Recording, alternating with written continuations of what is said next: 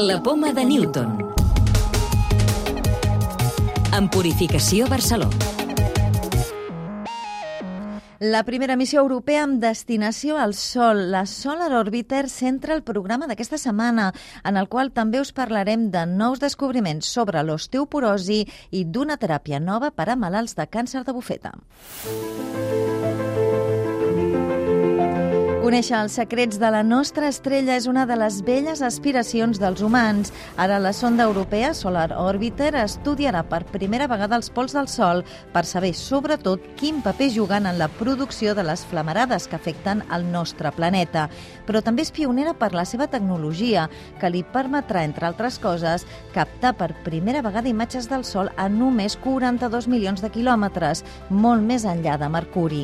Ens en parla de tot plegat Luis Sánchez, cap de Desenvolupament Científic a Terra de la missió. El objetivo es entender mejor cómo funciona el Sol y cómo esos fenómenos que vemos en el Sol afectan a la propia Tierra. ¿no? Y además, desde el punto de vista de física solar, tiene un objetivo muy importante. Queremos por primera vez ver, observar, medir los polos del Sol que nunca se han visto con anterioridad cerca de Venus, inclinamos la órbita de Solar Orbiter fuera del plano de la órbita de los planetas y cada vez nos vamos acercando más al Sol. En 2022 tendremos el primer paso cercano al Sol, más cercano que Mercurio. Y esto lo repetiremos cada aproximadamente seis meses. Contamos con tener entre 10, 12 pasos cercanos al Sol dentro de la órbita de Mercurio. En principio, la misión está diseñada para 10 años de vuelo, contando desde el lanzamiento y la fase previa. El final, digamos, de la misión normal es en 2026, pero la nave está preparada para así poder alargarlas todavía más en el tiempo. En principio, podríamos estar operando hasta 2030 al menos. La Solar Orbiter rep una important aportació de l'Estat i també catalana a través del grup de física solar de la Universitat de Barcelona. Més coses, l'osteoporosi podria estar relacionada amb la inflamació. Això és el que han descobert investigadors nord-americans que han trobat una nova diana terapèutica contra la patologia amb resultats molt prometedors. Ho valorava Xavier Nogués, cap de Medicina Interna de l'Hospital del Mar de Barcelona. Actuant sobre unes noves dianes terapèutiques sobre el que crea la inflamació, en el futur es pugui desenvolupar un fàrmac que no tingui res a veure amb el que hi ha actualment, com si fos un antiinflamatori per l'osteoporosi. Un nou tractament ofereix una alternativa terapèutica a malalts amb càncer de bufeta que ja no tenien altres possibilitats de teràpia. Es tracta d'un fàrmac molecular que s'ha assajat per primera vegada en pacients en un assaig liderat per l'Institut Hospital del Mar d'Investigacions Mèdiques.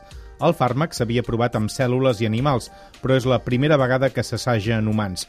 Té molt bona tolerància i ha donat uns resultats molt positius, com explica Joaquim Bellmunt, director de l'Institut i primer firmant de l'article. El que es va veure de que set malalts que es havien avaluat, hi havia quatre que han millorat el seu tumor havent gastat ja tots els, els tractaments previs, tant de quimio, inclús alguns d'immunoteràpia. Per primera vegada a l'Estat, científics catalans utilitzaran la tècnica d'edició genètica CRISPR-Cas9 en embrions. Es tracta d'un projecte pioner de l'Idivell i de Deixeus Dona que té com a objectiu modificar el genoma d'embrions humans per descobrir com afecten diferents gens en la fecundació, just després que aquesta es produeixi.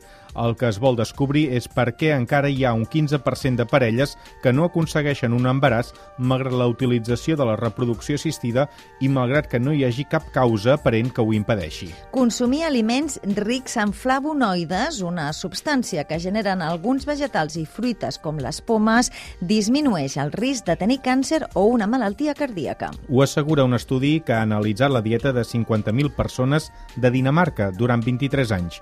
Aquells que havien consumit quantitats moderades o altes de flavonoides tenien menys probabilitats de morir de càncer o de tenir malalties cardiovasculars, i aquest efecte era encara més fort en persones de risc, com els fumadors o els consumidors habituals d'alcohol. La clau de volta. Tenint en compte que tenim milions de bacteris al cos, quin percentatge dels nostres gens no són humans? Josep Tabernero, director de l'Institut d'Oncologia Vall d'Hebron. Només el 0,01% de gens són nostres.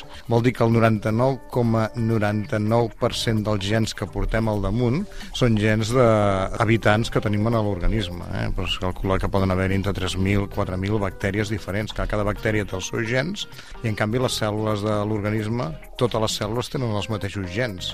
Per això aquesta proporció. Recordeu que ja podeu descarregar-vos el podcast de la Poma de Newton o subscriure-us al programa per rebre'l directament als vostres dispositius.